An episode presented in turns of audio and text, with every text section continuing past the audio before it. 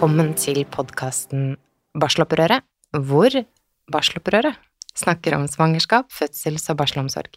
Mitt navn er Aida. Jeg sitter her sammen med Lisa Hei. og Cecilia, Hallo. og i dag så skal vi snakke om en måte man kan organisere svangerskap, fødsels- og barselomsorgen for å ivareta kontinuiteten, altså for å ivareta det at svangerskap, fødsel og barseltid egentlig er én er noe som henger sammen, eh, og at det går an å organisere det på en måte hvor man ikke stykker opp og fragmenterer tilbudet, sånn som man kanskje har i dag. For se for deg, altså Tenk om du fødte med en person som du kjente, og som kjente deg også. Tenk om det ikke var en fremmed som var der og tok imot barnet ditt. Tenk om du hadde fått så god tid til å bli kjent med jordmora di, at du turte å fortelle om vonde opplevelser som du har hatt eh, tidligere i livet, og som kommer til å være viktige når du skal føde, fordi det kan være triggende å føde.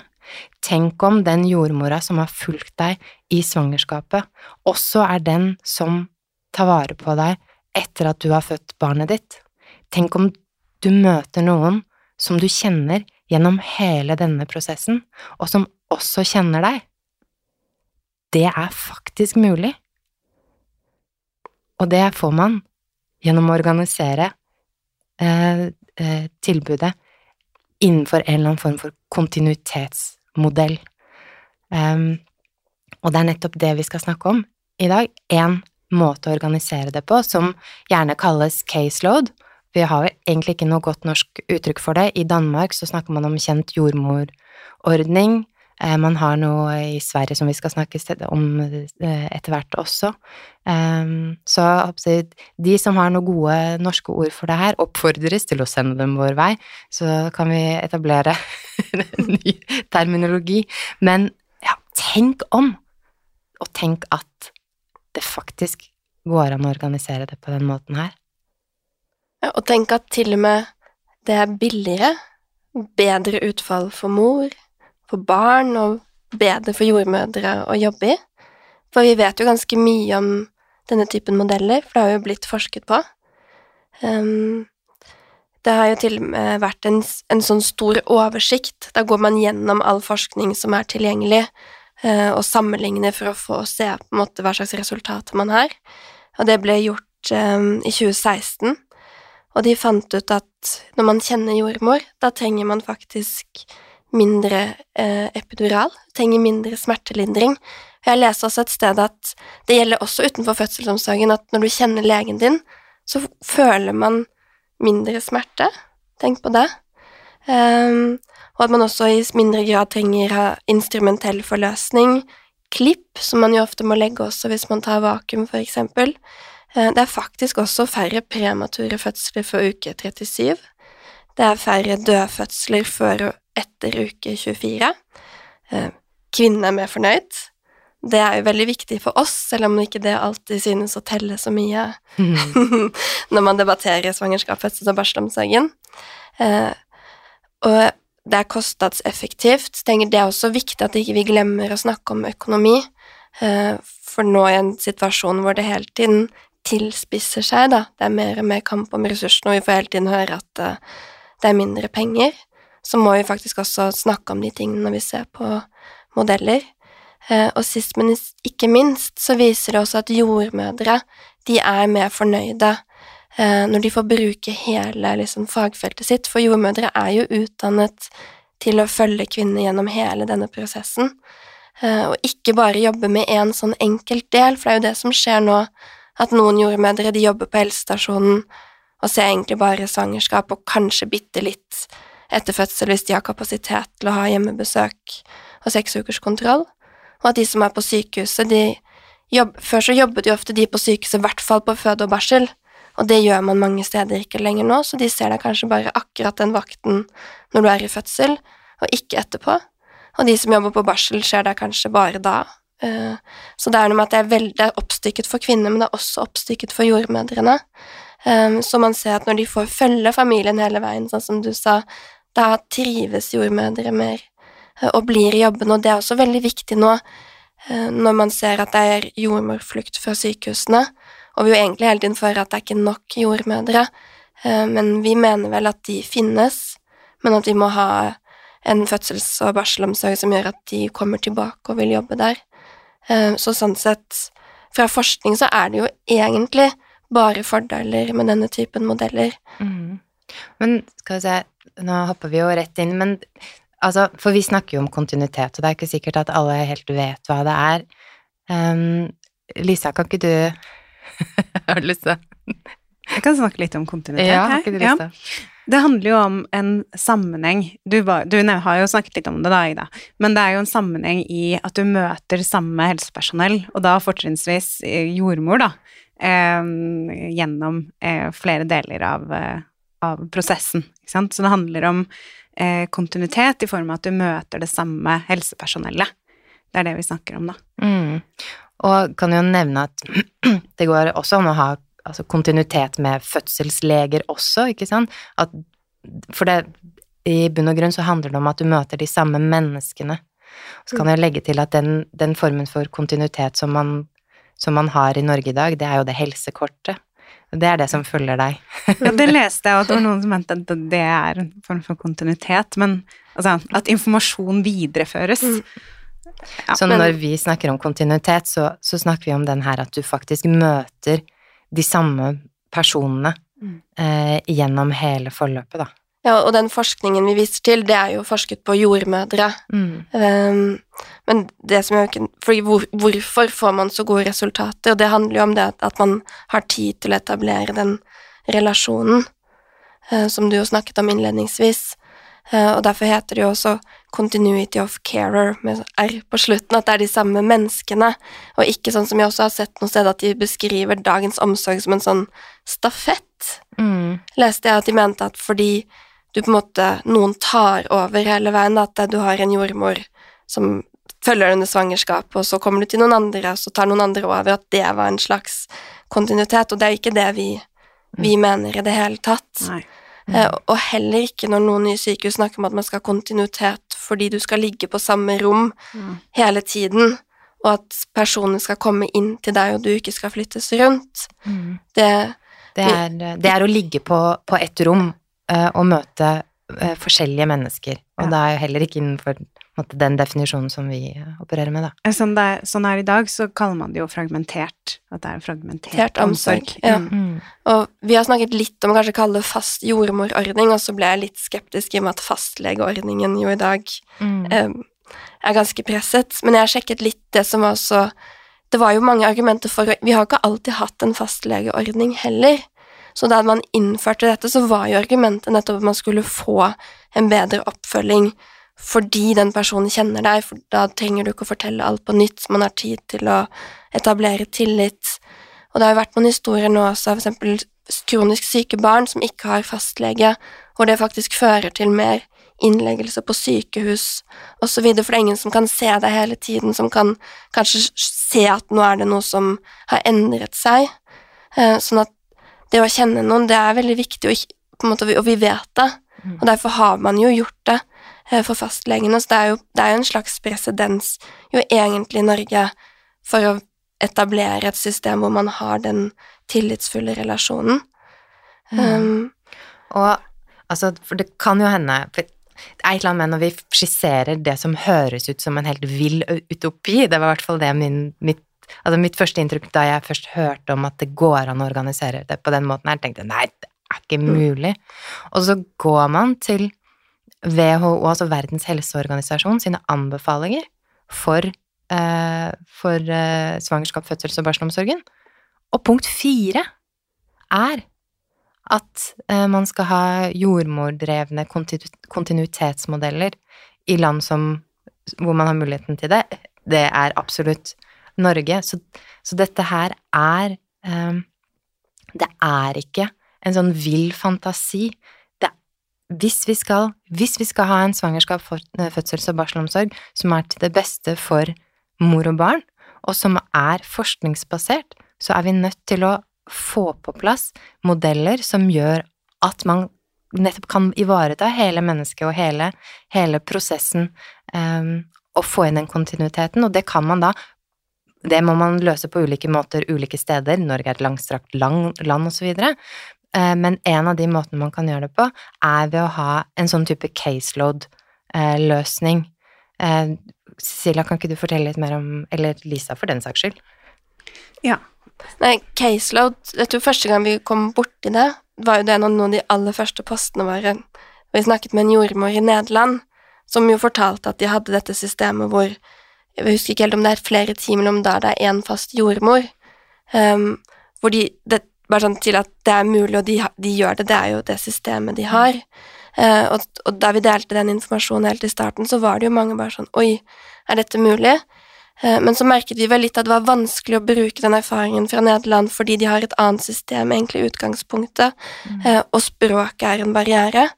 men så var det noen som tipset oss om noe som heter Min barnmorska i Sverige, og det er nok på en måte lettere for oss å se både til Sverige og, et lignende prosjekt i Danmark som heter Kjent, kjent jordmorordning, heter det vel der, fordi de har lignende system som oss, at man har på en måte delt opp. Man har en helsestasjon der man går når man er gravid, man har sykehus hvor man skal føde, og så skal du på en måte hjem igjen, så de har den på en måte fragmenteringen som vi også har. Um, og, og, det de har gjort der, at de har um, I Sverige så tok det vel egentlig det som er litt interessant, for hvordan kan man få det til i Norge, hvordan går man frem? At de hadde mye av de samme problemene vi ser nå, at stort sykehus i Stockholm, var det vel, mm -hmm. eh, veldig travelt, kvinnene var ikke fornøyd. Jeg tror til og med det var en del protester faktisk også av kvinnene mot på en måte den typen omsorgen man fikk der. Eh, og det kom også noen undersøkelser fra noe som heter Sosialstyrelsens rapport, i Sverige hvor de sa at det er liksom, det brister i den kommunikasjonen, det er for fragmentert, dette er rett og slett ikke bra nok. Og så så de at jordmødrene også begynte å slutte på sykehusene, for de orket ikke å jobbe der. Mm. Og det Høres kjent ut. Ja. ja. så så istedenfor å si da på en måte For vi står jo hører nå ganske mange ganger at ok, det er ikke nok fagfolk, sier også helseministeren, så da må vi kutte i tilbudet til dere. Um, mens jeg tenker at vi sier vel egentlig at det er ikke på en måte jordmorkrise, her er det en system- og ledelseskrise. At de jordmennene, de kommer tilbake, og kvinnene også kan være fornøyde hvis vi gjør det på en annen måte. Um, så det de gjorde i Sverige, var å, å implementere case law. De dro og så på prosjektet i, i, Danmark, de har snakket med land som også Australia, hvor det er vanlig å ha dette, uh, og lagde et prosjekt eh, hvor man har lagd team. I første gang omgang så tror jeg det var tre jordmødre. Mm. Um, som jobber De bruker på en måte den infrastrukturen man allerede har. Så de har svangerskapskontrollene på det som liksom helsestasjonene der. Så hvis Lisa er gravid, så går du på kontroller der. Da har du en primær jordmor som du blir kjent med. Eh, men for at dette her skal gå rundt, så må jo de ha andre jordmødre også som du kjenner, så da møter ofte foreldrene de på to sånne fødselsforberedende på en måte kurskvelder, sånn at de sikrer at du vet hvem alle i teamet er, og at de vet hvem du er. Mm, så er det flere du kan forholde deg til, ikke sant? Utifra, ja. ja. Så du har en primærjordmor, men du kjenner de andre, og de har også, også møter, sånn at hvis det er noe på en måte som er viktig å vite, sånn som vi snakket om, som har skjedd deg, som, må, som du ønsker, som de må vite, så, så, vet alle disse jordmødrene disse tingene, sånn at når du ringer inn, så vet du at de kjenner deg og vet hva som er viktig. Um, så når du kommer i fødsel da, så er det sånn, litt sånn tilbake til hvordan kunne det vært. Uh, det er jo mange som har opplevd at de sånn ringer inn og enten får beskjed liksom ta deg en dusj, eller dette er altfor tidlig, er det vondt nok? Så reiser du inn, og kanskje venter kjempelenge, blir sendt hjem. Det er jo kjempestressende. Eh, men det som skjer der, er at de kan faktisk komme hjem til deg på latensfasebesøk og gi smerterindring og støtte deg, eh, og også gjøre en vurdering på en måte Er det bedre om vi jobber litt hjemme i kjente omgivelser, men det er veldig, veldig forskjell å være hjemme sammen med noen enn å skulle være der alene. Mm. Um, og de sa jo også at det kjenner man jo også som jordmor på et stort sykehus, at det er begrenset hva du kan si over telefon til en dame du ikke kjenner. Når du har sagt 'ta deg en dusj til', liksom, hva mer skal du si? Ja, det er veldig vanskelig. Og hvordan skal de skille ut hvem som Altså, man er jo så forskjellig. De kan jo ikke høre over telefon om du er fire centimeter altså, Og få lov å komme inn. Nei, Ja, nei, det er jo helt umulig. Ja, du har jo opplevd å kanskje være litt eh, for lenge hjemme. Ja, det var, ja. Jeg kom, eh, ja. 9,5 centimeter, hallo, her er jeg. Men da, men da fikk jeg beskjed om at eh, Men det høres ut som det går så bra, liksom. Så det, det høres ut som du har to timer til med jobbing hjemme. Mm. Så er det nå Det er vel nå jeg nevner at eh, vi hører om eh, sånn tips kvinner gir til hverandre. En av dem er overdriv smertene, Mm. for da får du komme inn. Ja, eller bare dra inn, har jeg også hørt fra Ja, det er eh, også. Det er litt Ja. trist at det skal være sånn. Da. Jeg vet Mm. at det er veldig mange som bekymrer seg for det i forbindelse med fødsel. Ja, det jeg ene og alene valgte Ullevål fordi det er fem minutter, så tenkte jeg at hvis jeg blir sendt hjem, så må jeg i hvert fall ikke reise så langt. Mm. Um, så det er en ting som jeg kjenner jeg blir skikkelig sint av å tenke på at man blir behandlet sånn Mm. I starten av fødselen. Og som du sier, det er jo egentlig å si til kvinner at du kan ikke stole på kroppen din, Mm. eh, og også at man reiser jo gjerne inn for å finne et trygt sted å føde før, før det blir for vondt, da. Eh, men det de gjør, at når de ser at ok, nå er det dags for å reise inn, der, der booker jordmoren din fødestuen, så du trenger ikke å liksom reise inn og vente på et eller annet fødegynmottak. Nei. Og så kjører dere inn, og så føder du på sykehuset med den jordmoren du kjenner, og har det gått veldig lang tid, så vil jo hun kanskje måtte bli avløst, men da er det en i det teamet som du kjenner. Um, Det virker som en veldig fornuftig måte å løse det på, da. ikke sant? Så bruker du jo den infrastrukturen man allerede har. Selvfølgelig tenker jeg at i en perfekt verden så kunne man jo kanskje hatt det samlet litt, sånn Mm. alle ABC, at du faktisk går Det er jo noe med å kjenne omgivelsene også. Skaper jo stress å komme inn et sted du ikke har vært før. Så jeg tenker at det kan man sikkert også tenke på, men i en startfase så tar man på en måte det man har av bygninger. Mm. Um, og så er det jo litt avhengig liksom, som, hvor lenge man må være på barsel, men de kommer da på hjemmebesøk til deg når du kommer hjem, og da har i hvert fall jeg skjønt at det er minst to besøk, og at ett av dem skal være av den jordmoren som tok imot barnet. Mm. Og så skal ett være med den primærjordmoren. Og hvis det var primærjordmora di som, som tok imot barnet, så er det hun som kommer to ganger. Det er i hvert fall sånn jeg forsto det. Mm. Og så leste jeg nå også at de booker da også etter kontroll, men jeg kan bare legge til at igjen her da, så er det vel, når de har gått gjennom litt hva kvinner opp, hva de syns om min barnmorska, så var, syns de nok at det var litt lite oppfølging etter fødsel. Så her igjen så er det på en måte barselomsorgen som, som kanskje blir litt grann, kan man si, stemoderlig behandlet. Mm. Eh, Men selvfølgelig er det jo noe helt annet å snakke om fødsel med noen som var der du kjenner fra før. Eh, Og du kan ta kontakt med de, jeg tror det er i hvert fall opptil en uke etter at fødselen at de fortsatt har ansvar. Eh, Men det har kanskje ikke så mye med modellen i seg selv å gjøre, tenker jeg. Mm. Det er litt viktig å få også ivaretatt det behovet du har for å snakke gjennom fødselen Mm. etterpå. Eller hvis man ønsker det, da, så får du på en måte ivaretatt den biten òg. Men jeg tenker at også det behovet kan jo komme senere, så jeg, hvis jeg skulle ønsket meg liksom en enda bedre versjon, så ville jeg tenkt kanskje at man hadde rom for litt mer oppfølging, og kanskje på en litt lengre tids, tidsperspektiv. Mm. Mm. Enig. Jeg syns det er litt kort. Og jeg tenker sånn, sånn som halseren min som bor i Tyskland, da er det tilgjengelig jordmor du kjenner i tolv uker. Det, og det er Tenk sånn, på det. tenk på det. Ja. Tenk Ja. på det, dere.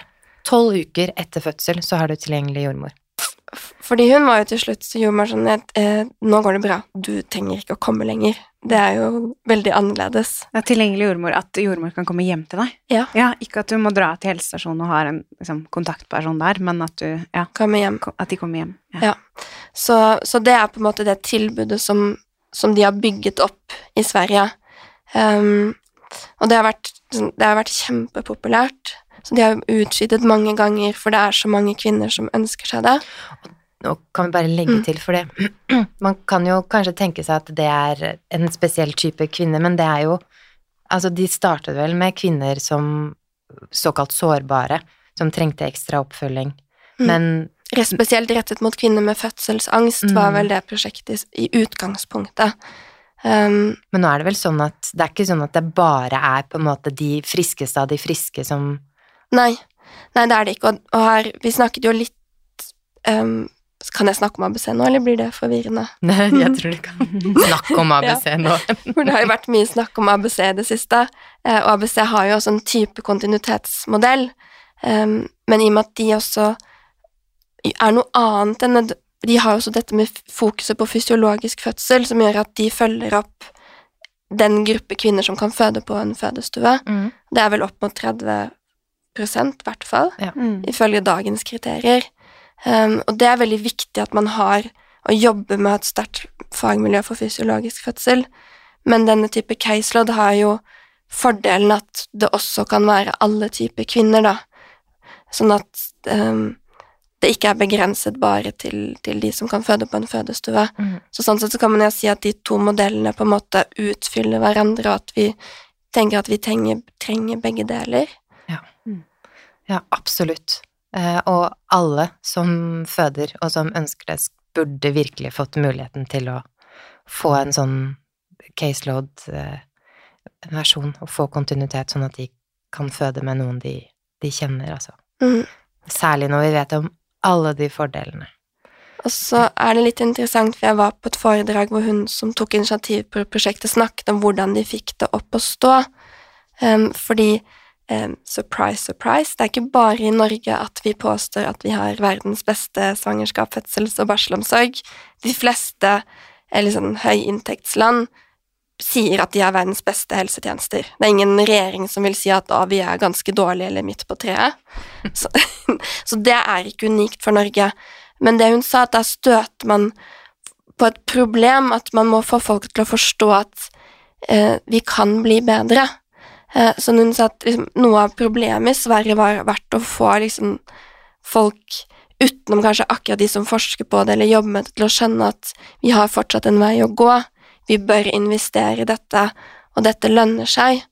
Eh, og det hun jo også sa, som jeg tenker at det er veldig viktig at vi og alle som jobber for dette her, tar med oss at de kan ikke slutte å forklare hvorfor dette er viktig, og at man noen ganger får følelsen av at man gjentar seg og gjentar seg og gjentar seg, og vi har forskningen, og hvorfor skal vi måtte snakke om det på nytt? Men det kommer jo nye politikere, det kommer nye beslutningstagere til, til på en måte denne måten å jobbe på blir normalen, eh, så må vi på en måte være innstilt på å liksom gå litt på repeat. Mm. det hun også sa, er at det er viktig, det jeg sa innledningsvis, å se på økonomien. At man må regne på det. Uh, og det de har sett, og det har man sett i andre land også, at man må omtrent Én jordmor må ha 40 kvinner i løpet av et år for at det skal liksom gå opp. I hvert fall med dagens liksom, system. Um, og så må man forske på det, uh, og vise liksom faktisk hvor bra det er, og det har de også gjort i Sverige, at de har underveis forsket, og jeg vet ikke om den studien er liksom publisert ennå, um, men det viser at, igjen av det som jeg sa litt innledningsvis, at det er ingen økt risiko for mor og barn på en måte med en sånn modell, tvert imot, det er færre medisinske intervensjoner. De så at det er færre igangsettelser, det er mindre epidural, trenger ikke å bruke så mye ristimulerende drypp, uh, klippe, ta vannet, alle disse tingene. Hun sa den eneste risikoen er at man har en høyere sjanse for å gå i spontan vaginal fødsel, Mm. faktisk. Det, tenk på det. Eh, Så det er jo noe med at det må folk skjønne også, at vi mennesker var det en som sa at vi mennesker er jo liksom pattedyr, Mm. og, og hvis man blir stresset, da føder man ikke, fordi evolusjonært så er vi fortsatt laget sånn at hvis det skulle kommet en bjørn og spist deg, så er det ikke da du skal føde. Nei, da snurper du att. ja, Ja. da må fødselen stoppe, sånn at du kan komme deg i sikkerhet, og så, når du føler deg trygg igjen, så kan fødselen fortsette. Ja, så det hun sier også at når du tenker på økonomien, så er det greit, du kan på en måte tenke på hva koster det akkurat nå, men hvis man tenker litt lengre, så tenker du hva koster et keisersnitt? Hva koster det egentlig når du setter en epidural? Da må du ha en anestesilege, du må overvake kvinnen hele tiden. Alt dette er prosedyrer som koster penger, så bare ved liksom å legge til rette for den tryggheten rundt, så unngår du at en del kvinner får kanskje inngrep som jo skader dem, kan altså og preger livskvaliteten i lang, lang tid, men det er også sparte kostnader, faktisk. Mm. Ja. Tenk på det. Og det er, eh, apropos sparte kostnader, så er det jo Det, var, det er ikke mm, lenge siden det, det kom en studie fra, fra Australia hvor man sammenligna kostnader mellom eh, offentlige caseload eh, Eller offentlig caseload med, med det de kaller eh, eh, standard, standardsystemet i Australia, og det, det de finner der, er at caseload er 22% billigere. Og de, altså Hvis vi regner om tallene de har i, i artikkelen sin, så tilsvarer det over 36 500 norske kroner spart per kvinne. Altså, Tenk på det. Det, altså, det er så mye penger, og hvis man går inn og ser hvor mye på en måte, sykehuset tjener på en fødsel eh, Det er altså Vi snakker keisersnittrate, liksom. Ja. Det, det er potensielt, og dette er liksom kroner og øre spart. Og nå har man jo ikke på en måte tenkt på engang alt man sparer ved å drive eh, forebyggende og ved å drive eh, folkehelsearbeid. Og jeg mener, vi vet så godt fra forskning og fra erfaring at det å føle seg trygg er så viktig når det kommer til eh, svangerskap, fødsel og barseltid.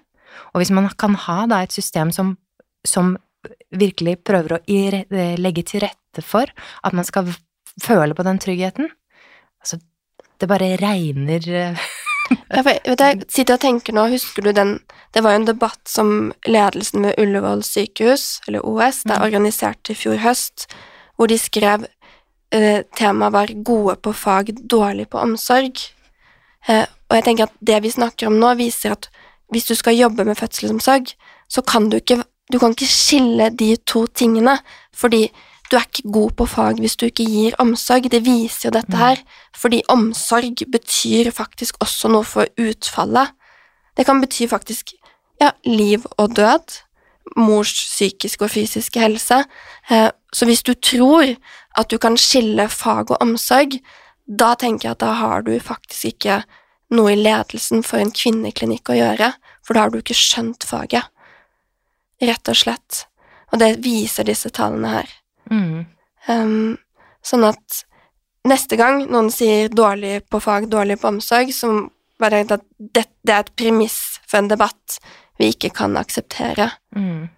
Og det er også noe av grunnen til at, at vi, i hvert fall innad, insisterer på å kalle det svangerskap, fødsels- og barselomsorgen. At det er snakk om fødselsomsorg, det er ikke et fødselstilbud. tilbud. Fordi den omsorgsdelen er helt essensiell. Uten den så taper vi så mye.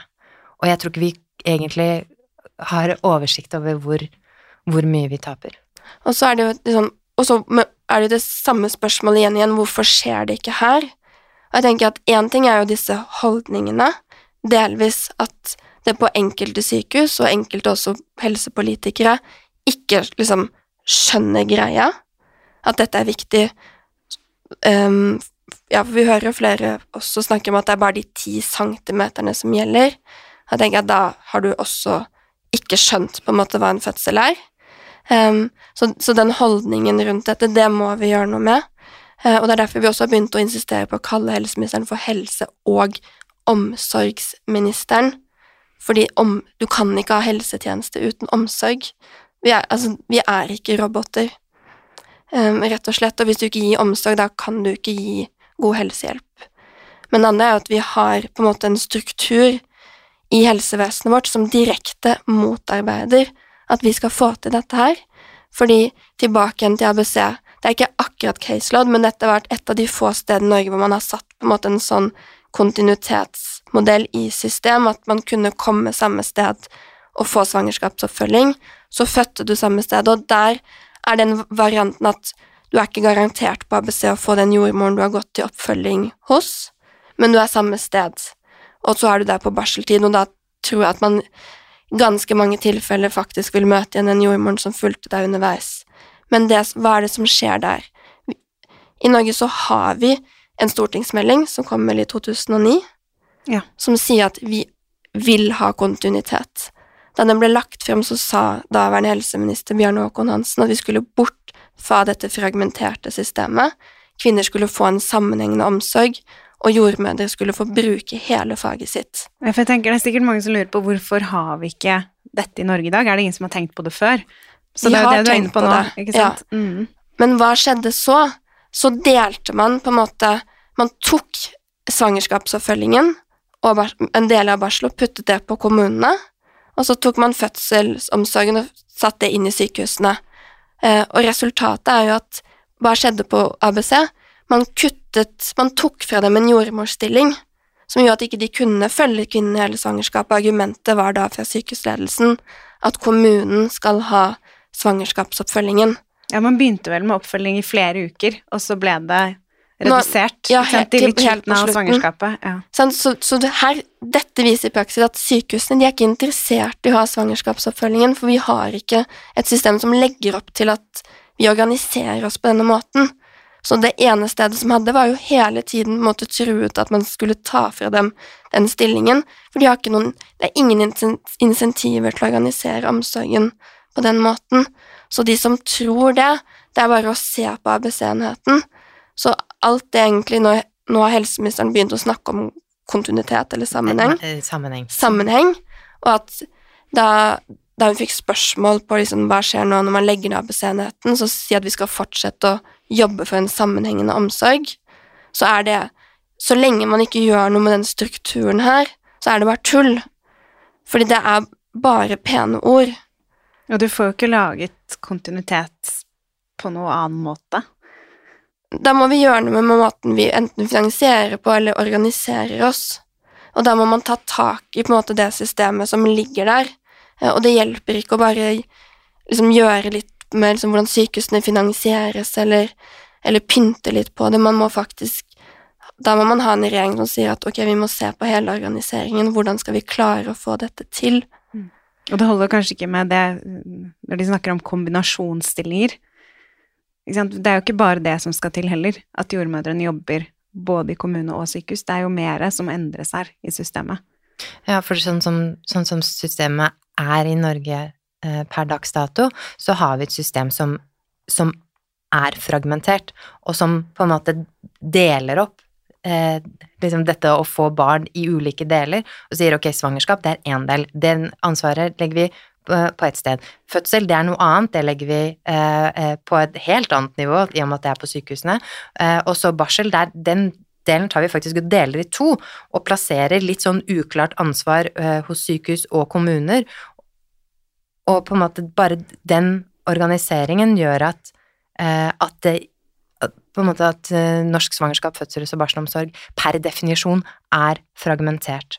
Og hvis man skal over til et system hvor man faktisk kan se helheten, hvor, hvor man har faktisk kontinuitet, så er man nødt til å gjøre noe med dette systemet som, som er fragmenterende. Så eh, her må man gå grundig til verks, og så kan det hende Altså, akkurat hvordan man gjør det, vil nok kunne Her er det flere ulike løsninger, men det første stedet man kan begynne, er jo for eksempel se til Sverige, til eh, Karolinska i Stockholm, der hvor de har eh, Hvor Min barnmorskap-prosjektet starta, og si, vet du hva, det her tester vi i Norge òg. Vi tester det, kanskje man kan teste det ved et par-tre eh, ulike sykehus for å finne ut av hvordan man best kan tilpasse eh, modellene til de eh, lokale forholdene.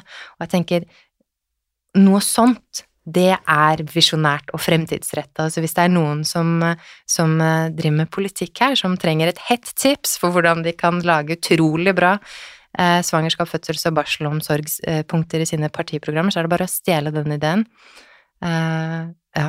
Og så tenker jeg så- det er, Ja, det er visjonært, men det ligger egentlig der også, fordi da Arbeiderpartiet satt ved makten forrige gang og la frem denne stortingsmelding 12 som vi har snakket om, sto de jo liksom med to alternativer, hvor det ene var å samle denne tjenesten, hele pakken på ett nivå, og hvor det egentlig bare var fordeler rundt dette, med å, hvor igjen da, tidligere helseministeren sa at da får jordmødrene brukt hele kompetansen, kvinnene får sammenheng, og at det var masse fordeler, og så sa de ellers så går vi for denne samhandlingsreformen hvor man deler ting mellom stat og kommune, og det var det de endte på, og som ikke fungerer. Sånn at disse tingene ligger egentlig her, det er jo ikke sånn at vi finner på noe helt nytt. Mm -mm.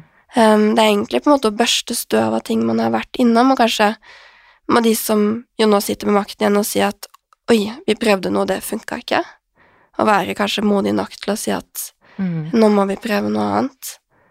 Um, for jeg tror også at ja, vi kan ha prosjekter, um, men vi kommer ikke helt unna av at faktisk så må noen på toppen si at først så må de si at vi har et problem. Det har jeg ennå ikke hørt. Um, det, så så lenge helseministeren sier fødselsomsorgen er god, Mm. uh, så er det liksom så vanskelig å få gjort noe med, med noe. Mm. Jeg tenker at det må komme en eller annen, det må komme en kursendring på toppen, Mm. for da kan vi begynne å se på hva, hvordan gjør vi dette. Og det vi har snakket om nå, det er det vi legger i hva som er ekte kontinuitet. det sto nemlig på en av plakatene under den siste demonstrasjonen for eh, fødsel, eh, svangerskap, fødsel barselomsorgen. Og da var det noen som fikk den i hånda og lurte på men ekte kontinuitet? Fortell. Ja, så her har vi herved fortalt. Beklager at vi var så nerd på plakatene. Og så kan jeg også legge til at husker dere da helseministeren eh, i debatten med meg for så vidt, sa at vi drev med skremmeretorikk? Da jeg sa at vi ikke organiserer eh, svangerskap, fødsels- og barselomsorgen på den måten som forskning viser er den beste måten å organisere det på. Det var dette jeg mente. Ja. Vi har ikke vi har ikke caseload. Vi har ikke kontinuitetsmodeller i Norge, eh, faktisk. Og det er ikke Altså, det er skremmende, ja, men det sier jeg ikke for å skremme Kanskje skremme helseministeren til å gjøre noe med det, sånn i ettertanke. Det er hun som ble skremt av det, Nei, ja, Mm. nei. Men jeg tenker sånn, det viktigste er jo for alle der ute å skjønne at dere fortjener bedre, Mhm. og det fins bedre. Det fins bedre måter å gjøre det på som gir bedre utfall for barn og mor. Bedre opplevelse. Mm. Ja. Vi har forskere som sitter her i Oslo, hallo Berit Mortensen, som har fått til det her i Palestina. Jeg er ganske sikker på at vi kan få det til i Norge også. Palestina okkuperte Vestbredden, Yes. men vi får det ikke til i Norge. Mm. Så ja. Da skal, er det der vi avslutter? Ja. Tenk litt på den. Men ja, altså Du fortjener så mye bedre. Du som hører på og er gravid, kanskje ikke føder, har fått et barn. Altså, du fortjener så mye bedre. Og det hadde vært mulig. Og det er all grunn til at vi i Norge i dag skulle hatt et system som muliggjorde eh, at vi liksom At det er det beste for mor og barn som gjelder. Det er jo å sette kvinnen i sentrum. Er det ikke kvinnesentrert og forskningsbasert? Det er essensen av det her. Mm. Så Vi fortsetter å jobbe med det. For det. ja. Mm. Så vær med, da. Eh, snakk, om, eh, snakk om at det her er mulig. Snakk om eh, eh, kontinuitet. Snakk Snakk om om ekte kontinuitet. Snakk om ekte kontinuitet. Snakk om Caseload. caseload. Og hvis du eh, vet om et bedre ord for caseload på norsk, eh, eller har et forslag til det, så send det vår vei, fordi eh, det er også fint. Tusen takk for oss. Takk for at du lytta.